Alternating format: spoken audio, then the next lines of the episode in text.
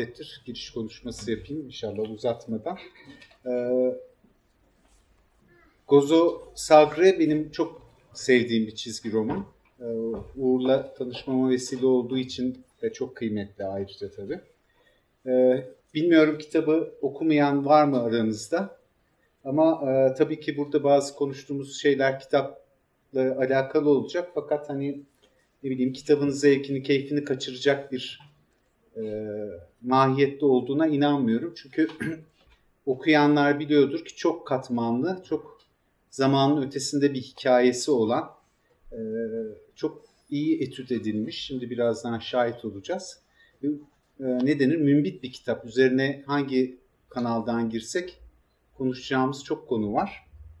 E, bilmiyorum Uğur'un e, özgeçmişini okuyan, bilmeyen var mı ama işte oradan da ben bazı notlar aldım. İşte 77 doğumlu Hacettepe Güzel Sanatlar Fakültesinden, e, grafik bölümünden mezun. Orada asistanlık falan da yaptıktan sonra e, bir sürü serbest işler yapıyor. İşte video klipler, animasyonlar, işte çizgi roman, reklam filmleri gibi ve bunlarda tabii ödüller de aldı.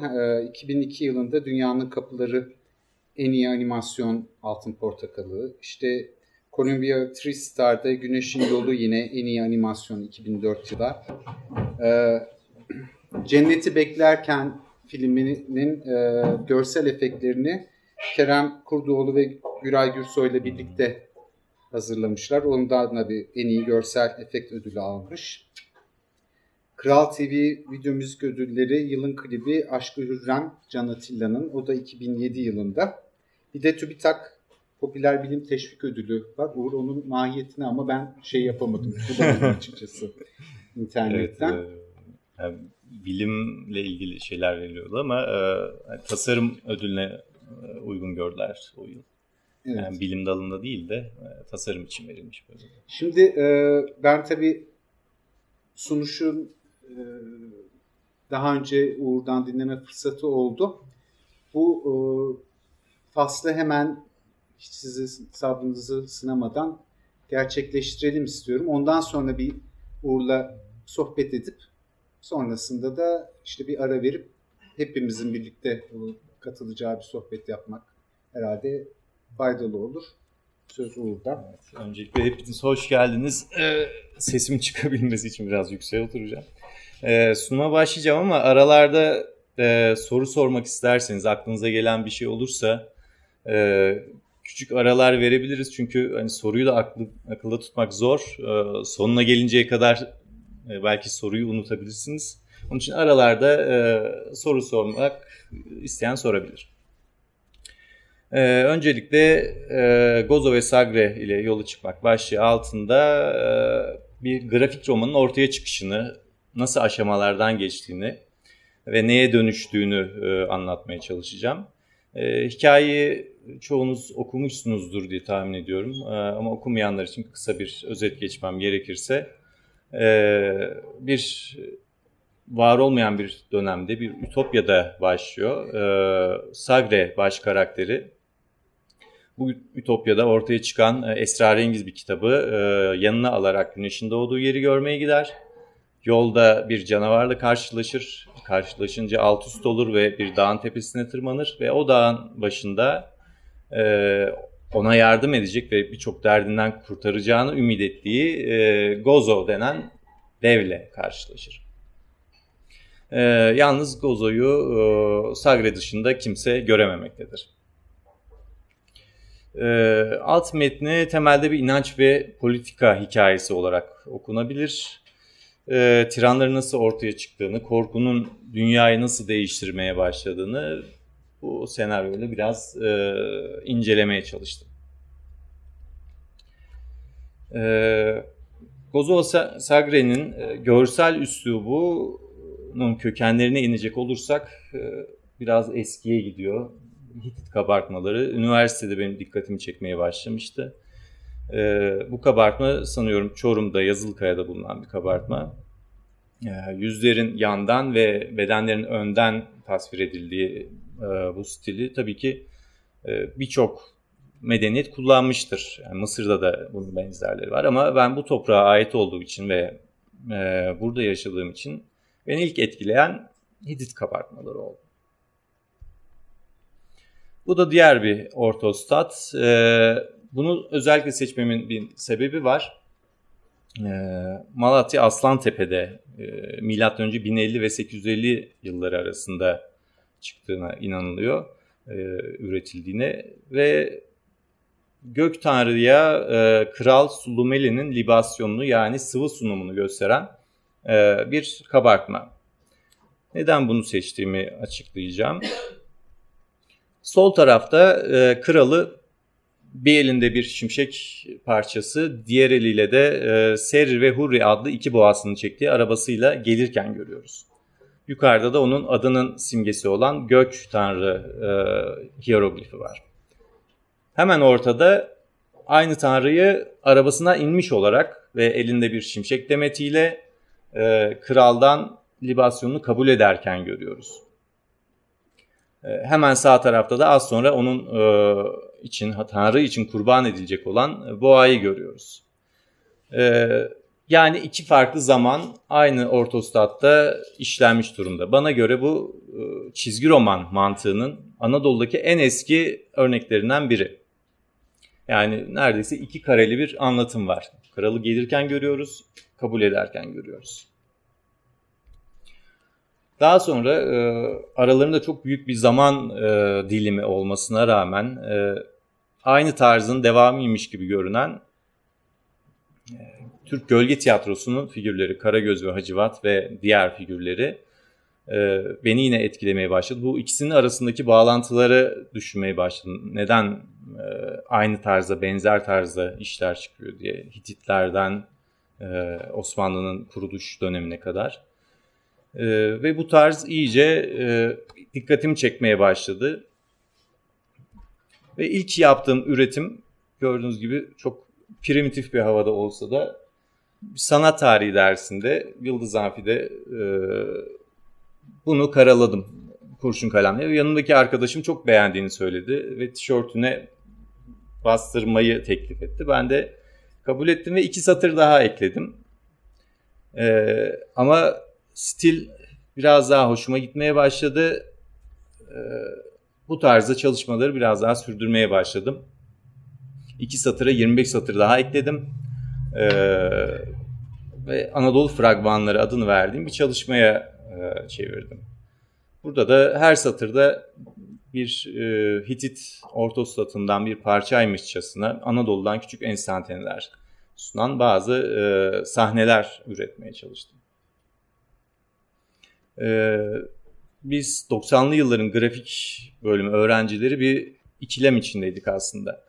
Öğretim hayatımızın ilk yarısı işlerimizi makasla, kalemle, mürekkeple, fırçayla yaptığımız dönemdi. İkinci yarısında da bilgisayarla tanıştık. Ve bilgisayarın başına oturmamız için bizim iki yıl o kağıtlarla ve boyalarla uğraşmamız gerekiyordu. Ee, sonra hayatımıza bilgisayar girince işlerimiz daha da kolaylaştı. Eskiden bir figürün çevresini çizip içini boyamamız saatlerimizi alırken artık tek bir tıkla e, çok daha hızlı üretebiliyorduk. Ama hala yavaştık çünkü e, çizimleri mouse'la yapmamız gerekiyordu. Gerçekten çok e, can yakıcı, e, elinizi, bileğinizi, omzunuzu ağrıtacak derecede zor bir işlemdir mouse'la bir şey çizmek. Ama sonra yardımımıza grafik tabletler koştu. Kalem hareketinin ve baskısının e, bilgisayara aktarılabildiği ve daha doğal görünümlü grafik tabletler sayesinde işlerin çeşidi ve rengi değişmeye başladı. Ben de mezun olduktan sonra aynı üslubu, aynı tarzı e, farklı işlerde, animasyonlarda, kitap kapaklarında, afişlerde, e, küçük grafik işlerde kullanmaya devam ettim. Ve bir grafik roman e, üretmeye karar verdiğimde de konunun pastoral havasına uygun olması sebebiyle aynı üslubun biraz antik bir üslup olduğu için e, bu kitabın üslubu olması gerektiğine karar verdim. Ama bir sorunum vardı. Yıllardır e, bu tarzı çizim yapmıyordum. Yani asıl işim e, animasyon ve gö- görsel efekt için teknik çalışmalar yapmaktı. E, böyle bir maceraya, 1300 karelik bir maceraya nasıl başlayacağımı ya da bu e, dağın tepesine nasıl tırmanacağımı bilmiyordum ama bir şekilde başlamam gerekti. Ve başladım. kötü olacağını bilerek başladım. Dedim ki kötü de olsa başla zaten düzeltirsin. Sol tarafta gördüğümüz e, ikisi de aynı sayfadır. Sol tarafta gördüğümüz ilk çizdiğim hali. Çizmeye başladıkça tabii ki üslubum değişmeye başladı. Biraz daha renk paleti değişti, vücut proporsiyonları değişti. Tarzım tamamen değişmeye başlamadan durup en başa döndüm ve sayfaları yaklaşık 100 kadar sayfayı tekrar üretmek zorunda kaldım. Ee, bu da onun örneklerinden biri. Renk paletinin durumunu ve e, karakterlerdeki değişimi az çok görebilirsiniz. Tabii ki e, çalışma senaryo üzerine kuruldu. Senaryoya nihai haline gelinceye kadar e, çalıştıktan sonra e, en basit haliyle bir not defterine e, kareleme işlemine geçtim. Yani hangi durumda, hangi karede neler olacağına kısaca karar vermeye başladım.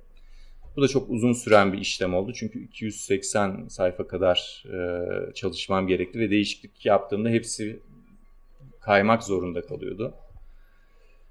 E, sonra da biraz daha e, büyük boyutta çalışmaya başladım. Aslında şu an düşünce gereksiz bir aşama olan bir aşamaya geçtim. Saman kağıdına orijinal boyutta çizimleri yaptım kurşun kalemle. Biraz daha detaylandırdım. En sonunda da bilgisayara geçip e, normal e, sizin gördüğünüz atmosferi e, uygulayarak e, kitabı tamamladım.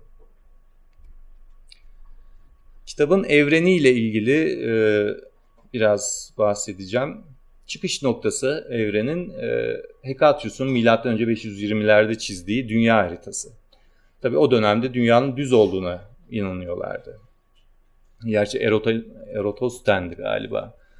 3. yüzyılda yuvarlak olduğunu ispat etmiş ama günümüzde hala inananlar olduğunu görüyorum internette. Olabilir. Ben de aynı bilgi düzeyine e, temel alarak evreni düz ve e, uzayıp giden göğün çevresinde ayın, güneşin, yıldızların döndüğü bir e, durumda e, tasvir etmeyi uygun buldum. Bu aynı zamanda o evrende yaşayanların bilgi düzeyini de simgeliyordu aslında. Çok pardon. Çaydanlık. Çaydanlık. Madem. O de, e, derin bir konu ama kısaca şeyden bahsedebilirim. Bertrand Russell'da bilen var mı bilmiyorum ama onun bir çaydanlık teorisi vardır. Aslında inançla ilgili bir simgesi vardır ama yani isteyenler Bertrand Russell çaydanlık derse de bir dertten kurtarmış olur. Çünkü çok daha derin tamam. bir yere doğru gidecek konu. Ama en azından ipucunu vermiş oldum. Tamam. Daha sonra dünyanın bir uydu haritasını çıkardım. Ee, bu uydu haritası bana e, hikayenin coğrafi sınırlarını belirlemem, belirlememde yardımcı oldu. Ee, ana şehrimiz Odria en orta noktada, biraz güneydoğuda tepesi karlı olan e, Varzna Dağı'nı görüyoruz. Sonra kahramanların geçmesi gereken çöl ve en sonunda ulaşmaları gereken ormanlık e, dünyanın en batı kısmı. Bu harita bana e, hikayede kim nereye ne kadar günde gidebilir dahil olmak üzere çok konuda yardımcı oldu. E, evrendeki e, fauna da günümüzden daha önce dünyada yaşamış olan e, bazı hayvanları kullanmayı uygun buldum. Paraseterium, e, kelenken, Iohippus. Mesela Iohippus dediğimiz hayvan e, hikayede Mere adında küçük her yerde dolaşan 20 santim boyunda hayvanlar. 45 milyon yıl sonra bugünün atlarına dönüşüyorlar. Aslında atların ataları. Ee, yine prehistorik çağın e, vahşi e, yaratığı Diodon Yunanca dehşetli dişler anlamına gelen. E, onu da hikayemde Zendar adlı e, korkunç karaktere e, örnek teşkil ettim. Zendar bildiğiniz gibi daha çocukluğunda, küçüklüğünde insanlar tarafından kaçırılıp bir zindanda e, büyütülüp sonra salı verilmiş ve e, insanları dehşet saçan bir yaratık. Yani bir yönüyle insan eliyle yaratılmış terörün simgesi. E, politik sistem e, gerontokrasi yani yaşlılar, e, yaşlıların e, üst düzeyde bulunduğu bir sistem. E, herkes her işini yaşlılara danışıyor ama tam olarak bir mutlakiyet söz konusu değil. Yani ona sonuna kadar uymak zorunda değilsiniz. Sadece tavsiye aldığınız bir sistem bu. Ee, tek büyük yasa Murka yasası. O da insanların hiçbir şekilde ne birbirlerini ne de hayvanları e, öldürmediği ve etini yemediği bir e, yasa şekli. Ve en büyük ceza da bu yasanın e, ihlali sonucunda uygulanıyor. Kültürel sistem e, seyyahlar ve kütüphaneler sayesinde sağlanıyor. Sistem kabaca şöyle, bir seyyah bir kütüphanede kopyalayıp yanına aldığı kitabı, başkasının yazmış olduğu, yeni bir kütüphaneye getirir, oraya bırakır ve o kütüphaneden ona verilen kitabı kopyalayarak diğer bir kütüphaneye devam eder. Bu bir şekilde e, kitapları çoğaltma sistemidir aslında. Böylelikle her şehrin kütüphanesi yazılmış her kitaba ulaşır ve eşit bilgiye sahip olur. Ee, hikaye için bir alfabe üretmem üretmem gerekti ve bunun için birçok araştırma yaptım. Ee, hikayenin ortamına en uygun e, örneği Kırgızistan'ın Talas Vadisi'nde kaya petroglifleri üzerindeki bir e, yazıda buldum ve yazıyı biraz daha değiştirerek e, bu evrenin yazı karakteri haline getirdim. Şehirlere e, değinecek olursak ilk e, büyük şehrimiz Odrya'nın e, ilham aldığı şehir Eskişehir'in 25 kilometre batısındaki Demirciöğük. E, Kalkolitik ve erken Tunç çağları arasında e, kurulmuş olan Demirciöğük gördüğünüz gibi radyal planlı bir yapıya sahip. E, çevresindeki evler tek katlı ve hepsi aynı avluya bakıyorlar. Ben de bu çizgiler e, doğrultusunda Odrya kentini kurarken Demirci Öğüt'ten ilham aldım. Ve çevresine bir sıra daha banliyö ekledim. Bazı sosyal bina, binalar ekledim ve e, konutlara çıkma bazı katlar ekledim. E, ihtiyar konutu, erzak deposu, ortasında, meydanın ortasında koca bir kaya, e, bir gözetleme kulesi ve e, kütüphane binası. Ki bu bina e, kubbeli iki katlı bir yapı. Yanlarında seyyahların konaklaması ve dinlenmeleri için bazı lojmanlar var. İlhamını aşağı yukarı tahmin etmişsinizdir. Roma'daki Pantheon'dan alıyor. Tabii Pantheon'un biraz daha ilkelleştirilmiş, basitleştirilmiş hali diyebiliriz. Ee, kütüphane e, sistemi de bu o, Neredeki? Efes. Efes'teki. Efes'teki daha e, düz ama yani radyal bir planı yok Efes'tekinin. Ee, ama tabii ben iki boyutlu çizim yaptığım için hangisi yuvarlak hangisi değil bazen karışabiliyor. Ee, daha çok e, bina yapısı olarak e, aslında şey Roma'daki Pantheon daha yakın. Yani kubbeli olması sebebiyle. Yani Efes'teki yapıda kubbe yok diye tahmin ediyorum. Burada da iki kattan oluşan bir kütüphane sistemi var. Ee, ve bu, burada kesitini görüyoruz. Tamamıyla binanın e, iç çeperini saran bir sistem. Şehirlerden biri Erile şehri. E, Aksaray'ın Gelveri ilçesinde yani bugünkü adıyla Güzelyurt ilçesinde bulunan 19. yüzyılda yapılmış yüksek kilise denen bir kiliseden aldım Erile şehrinin ilhamını. Arkadaki Hasan Dağı da hikayemdeki Varzın Dağı'nın e, referansı oldu. Çok büyük bir değişiklik yapmadım gördüğünüz gibi.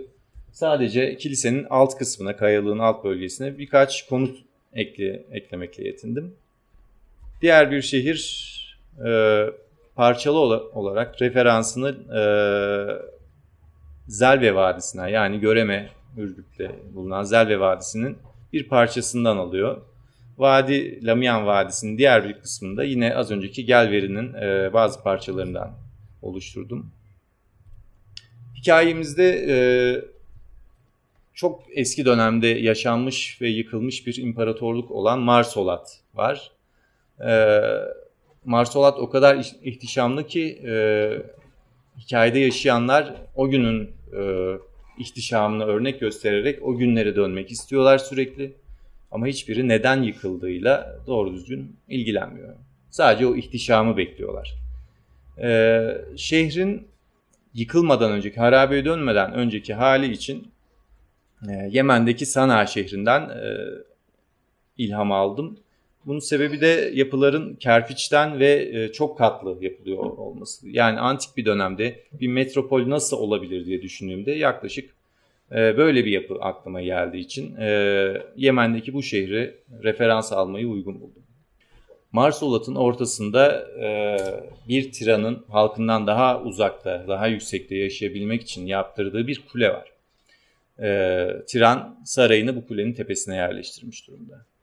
Bu kulenin referansı da e, 9. yüzyılda e, yapılmış olan Samara Ulu Cami'nin e, Malviye planlı minaresi ve 1500'lerdeki e, Bruegel'in Babil Kulesi resmi.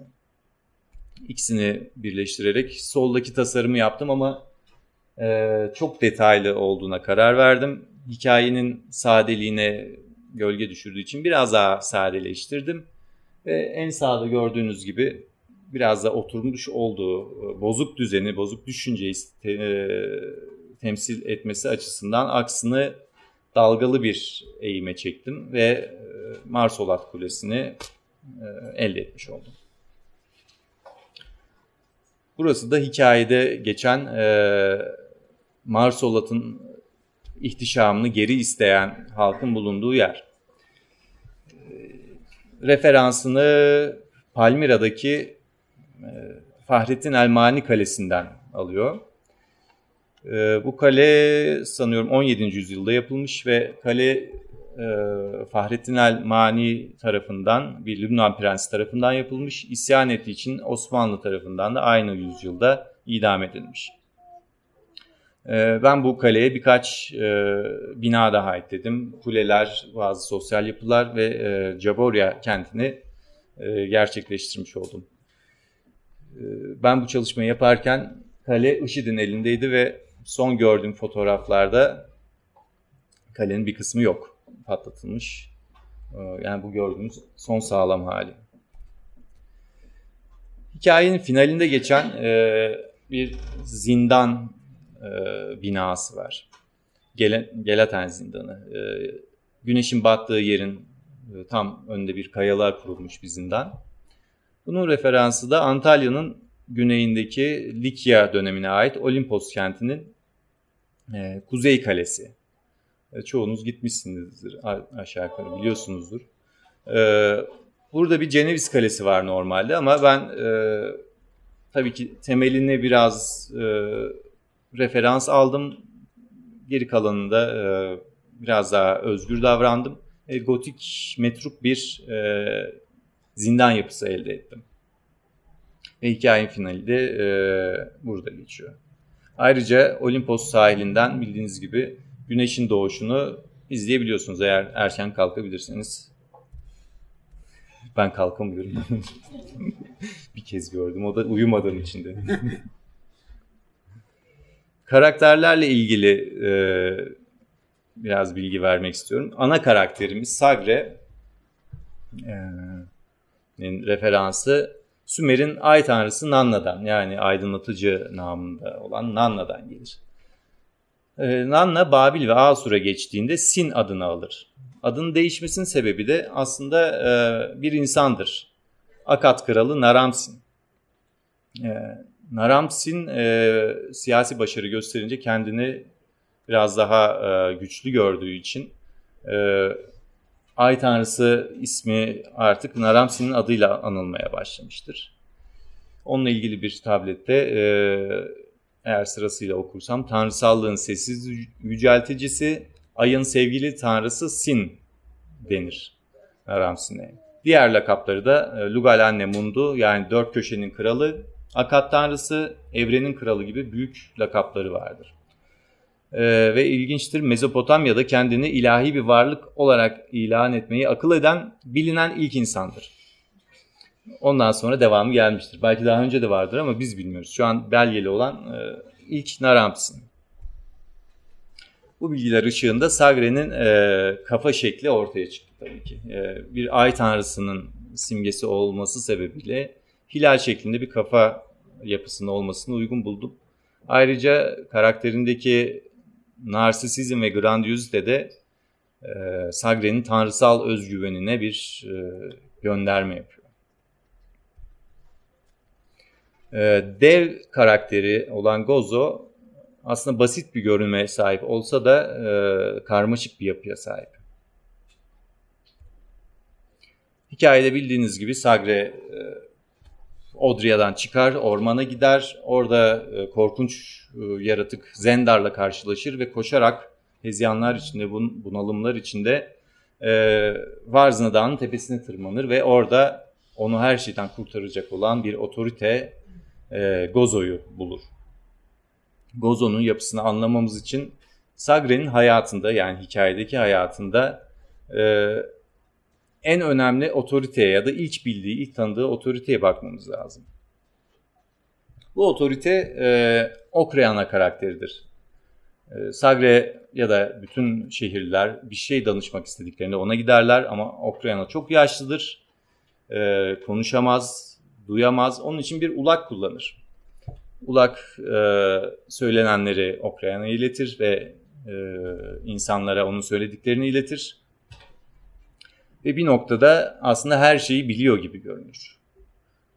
Bu referans ışığında Sagre çaresiz kaldığı bir anda e, oluşturacağı vizyonu tabii ki ilk gördüğü şeyden yani şehrinde yaşadığı otoriteden e, almaktadır.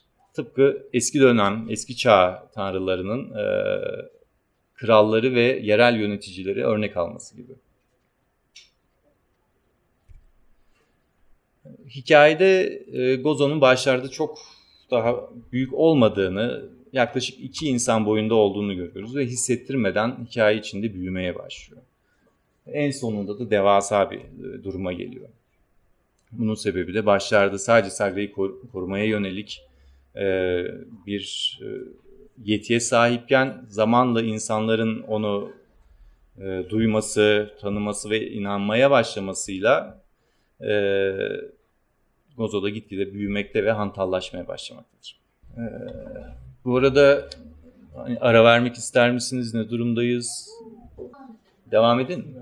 Tamam.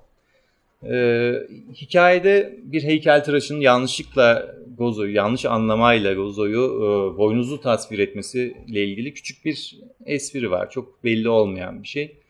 E, hatta heykeltıraş Gozo'yu boynuzlu yapar. Ondan sonra gelenler yıllar boyunca onu boynuzlu olarak tasvir ederler. Aslında öyle bir şey olmamasına rağmen. Bunun dayandığı e, hikayede, espride Q, R ve N harflerinden çıkmıştır. Eski ahitin 34'e 29. ayetinde e, şöyle bir ifade vardır. Musa elinde bir iki anlaşma levhasıyla Sina Dağı'ndan indi. Rab ile konuştuğu için yüzü ışıldıyordu. Ama kendisi bunun farkında değildi. Buradaki ışıldama e, üç harfle, İbranice'de üç harfle e, tasvir edilir. Q, R ve N. E, biliyorsunuz Orta Doğu dillerinde, Arapçada da böyle e, sadece sessiz harfler var ve siz okurken e, gidişatın anlamına göre e, dikkat etmeniz gerekir. İbranice'den Latince'ye çevrilirken bu iki ihtimalden yani Keren ve ışıma demekken e, Karan'ı tercih ettikleri için Musa yüzünde bir ışımayla, ışık demetiyle dağdan inmesi yerine yanlışlıkla Musa yüzünde boynuzlarla dağdan indi gibi bir e, yanlışlık yapılmış. Ve bu yanlışlık sebebiyle e, Rönesans ve Orta Çağ'da neredeyse birçok sanatçı e, bu yanlışı devam ettirmişler. Michelangelo buna dahil. E, benim hikayemdeki bu küçük hatanın dayandığı şey de bu boynuzla ilgili efsaneye bir göndermedir. Ee, diğer bir karakterin çıkış noktası ise Frigya yani şu anda bulunduğumuz yerin de bir zamanlar dahil olduğu Frigya medeniyeti. Ee, eski dönemde Roma döneminde özellikle Roma'ya gelen doğulu askerler, e, köleler, daha doğrusu Romalıların doğulu dedikleri ve Roma'da yaşayan herkes çoğunlukla Mitra ve Attis yani Anadolu kökenli bazı tanrılara inanıyorlardı. Ee, zamanı geldiğinde bu köleler ve e, ayak takımı dedikleri Romalıların insanlar ayaklanıp özgürlükleri peşinden e, koşmaya başladıklarındaysa bu şapka özgürlüğün bir simgesi haline gelmeye başladı.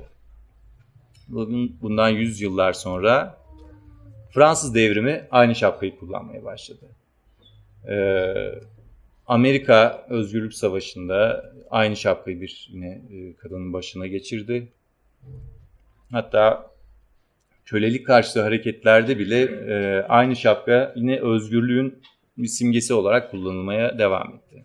Birçok ülke e, bayraklarını ve sembollerini bu şapkayı özgürlüklerinin bir göstergesi, bir nişanesi olarak e, eklemeye uygun buldular. Haiti, Nikaragua, Arjantina gibi e, Bolivya, Küba ve bunların dışında daha birçok ülke daha var aynı şapkayı bayraklarında kullanan. Popüler kültürde de e, Şirinler adlı çizgi filmde görüyoruz bu şapkayı. Bildiğiniz gibi Şirinler ormanda özgürce yaşayan ve e, Gargamel'in onları baskılamasından, hapsetmesinden e, kurtulup bir şekilde e, özgürlüklerini ellerinde tutan bir halk. E, bu bilgiler ışığında Yelkovan karakterinin, Seyyah Yelkovan karakterinin e, dış görünüşü ortaya çıktı. Ayrıca Mitra e, kültünün yani bu şapkanın çıkış noktası Mitra'nın e, özellikleri Sagre'nin karakterine biraz sinmiş durumda. Ahit yemin ve anlaşmadan sorumlu ilahi varlık, e, sözleşmeleri uyulmasını denetleyen, yani haksızlığa karşı çıkan bir karakter. Her şeyi gören derken Yalkova'nın aslında e, her yeri görmüş bir seyyah olması. Gerçeğin sığırların hasadın ve suyun koruyucusu olması da onun doğayı ne kadar e, koruduğuyla ilgili e, bir bağlantısı var.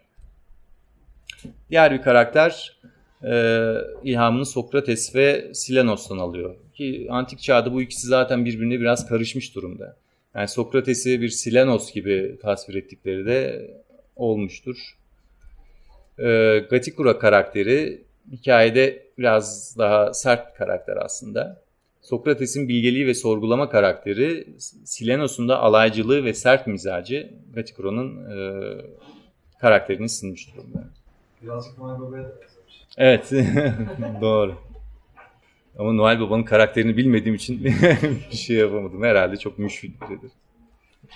Ee, Kaya'yı da bir karakter olarak e, değerlendirmeye uygun buldum aslında. Ee, Sivrihisar'da e, Pesinus diye bir e, antik şehir var. E, bu şehir ana tanrıçı kültünün doğduğuna inanılan şehir ve dediklerine göre gökten bir gün koskoca bir kaya düşmüş. Kapkara bir volkanik taş e, ve bu Kibele e, olduğuna inanılan taşmış. Zaten Pesinus'un adı da Pesen'den yani düşmek fiilinden geldiği söylenir. E, tarihte daha başka taşlar da vardır. Taş inancı sadece ana tanrıçayla kısıtlı değildir. Birçok coğrafyada, bölgede kayaya karşı bir saygı ve inanç vardır. E, İsa da havarilerinden biri olan e, Simon'a, balıkçı Simon'a sen bizim kilisemizi üzerine kuracağımız kaya olacaksın diyerek ona Aramice e, Kifas adını vermiştir. Bu kaya demektir. E, Kifas adı Avrupa'ya geçtiğinde yine aynı anlama gelen Petrus ve yöresel dillerde değişik e, söylemlerle Pietro, Pierre, Peter gibi e, varyasyonlara dönüşmüştür. E, kayayı böyle yere saplanmışçasına dinamik bir harekette çalışmamın sebebi aslında bu düşmekle ilgilidir. Yani o ana tanrıçı kültünde olduğu gibi. Ee, kayayı iki parça olarak tasarlamamın sebebi ise e, teslis yani üçlü birlik inancına olan e, göndermedir. Çünkü Sagre karşılaştığı her otoriteyle bir üçleme oluşturur. Bu üçlemenin birçok varyasyonu var. Eski Babil'de, e, Mısır'da, Orta Asya'da e, bunun birçok e, varyasyonlarına ulaşabiliriz. Sona doğru gelirken projenin neye dönüşmeye başladığı ile ilgili küçük bir bilgi vereceğim.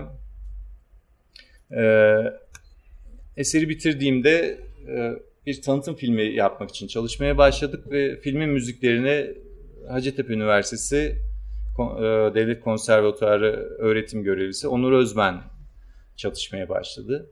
Ve e, bana metnin bir opera librettosu olup olmayacağını teklif etti. Bana çok mantıklı geldi ama çok da zor geldi. Çünkü e, çok parçalıydı. Sahneye uyarlamak başlı başına bir e, iş gerektiriyor, bir mesai gerektiriyor. Ama bir şekilde başladım. E, hala da bu konuyla ilgili çalışmaya devam ediyorum. Önce sahneyi yani hikayenin sahnesini altı platformdan oluşan bir e, yapıya böldüm. Her platform başka mekanlara dönüşecek. Ve arkadaki perde sayesinde de e, dekorun hızlıca değişimi, e, yapılması mümkün olmayan bazı efektlerin e, perdede gerçekleşebilmesini sağlayarak e, işleri aslında kolaylaştırmaya çalıştım.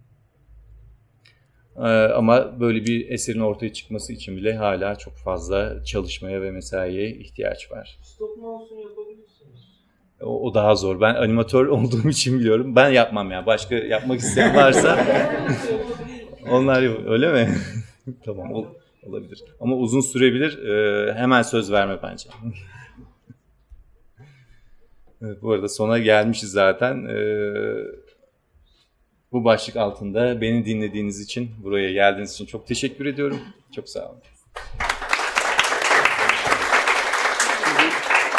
Ee, bir ara vermeden önce şey yani hepimiz özellikle kitabı okuyanlar bu bilgilerin ışığında herhalde kafalarında iyice sorular belirlenmiş. Yani bu detay hepimizin zihnini iyice kışkırtıyor. Yani o ara vermek ve bunların üzerine düşünmek belki iyi olabilir. Bir de e, yani hepimizin esasında müşterek şikayetidir. Onu ben peşinden söyleyeyim. Ne olur soru olsun. Hani korsan tebliğ dediğimiz yani Uğur'dan daha çok konuşup e, başka insanların hakkını gasp edecek bir şey üslup olmasın. Ben konuda çok izar olduğum için peşinden söylüyorum. Hani soruları soralım. Karşılıklı tabii ki e, şeyler de olabilir. Ne denir? Fikir alışverişi hmm. falan da olabilir ama e, mümkün mertebe herkesten öğrenecek muhakkak çok şeyimiz var. Bir ne kadar ara verelim Oğuz? Tamam. Çok teşekkürler. Sağ olun.